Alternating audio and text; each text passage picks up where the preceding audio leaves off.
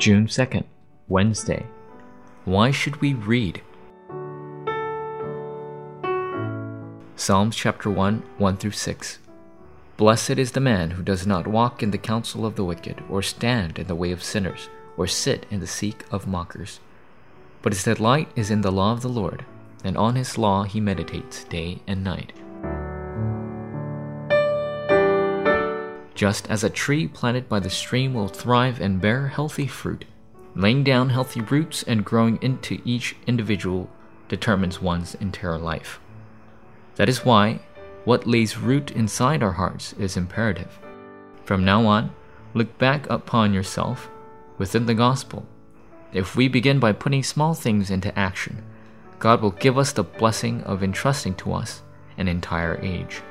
One of the small habits we must put into action is reading. Why must we read? Number one, reading is the habit of studying. Students who are well read tend to also excel in school. If we have the habit of reading at an early age, we will excel in school.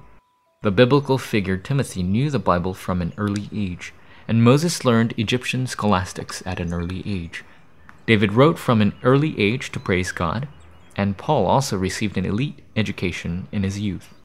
The habit of reading is therefore a vital and imperative habit. Number two, reading is the beginning of meditation.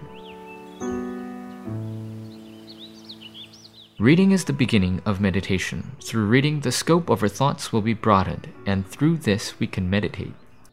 David took pleasure in the laws of the Lord and meditated upon it day and night. Number three, reading is enjoying the blessing of meetings. Reading becomes an essential way to meet figures from history, people who are far away or people we do not know. Through reading, we can pursue unlimited internships and gain knowledge in areas previous unknown to us. Number four, reading becomes the path to healing. It is difficult for people with spiritual problems or who are mentally unsettled to read. However, these people need healing. Reading could also instigate healing, but it is only the Word of God that can heal completely. Forum topic The habit of reading is very important. Take a little bit of time each day to read the Word of God and set up a plan to read good books. Life will be richer for it. Begin to read after choosing the scripture and book to read for the day.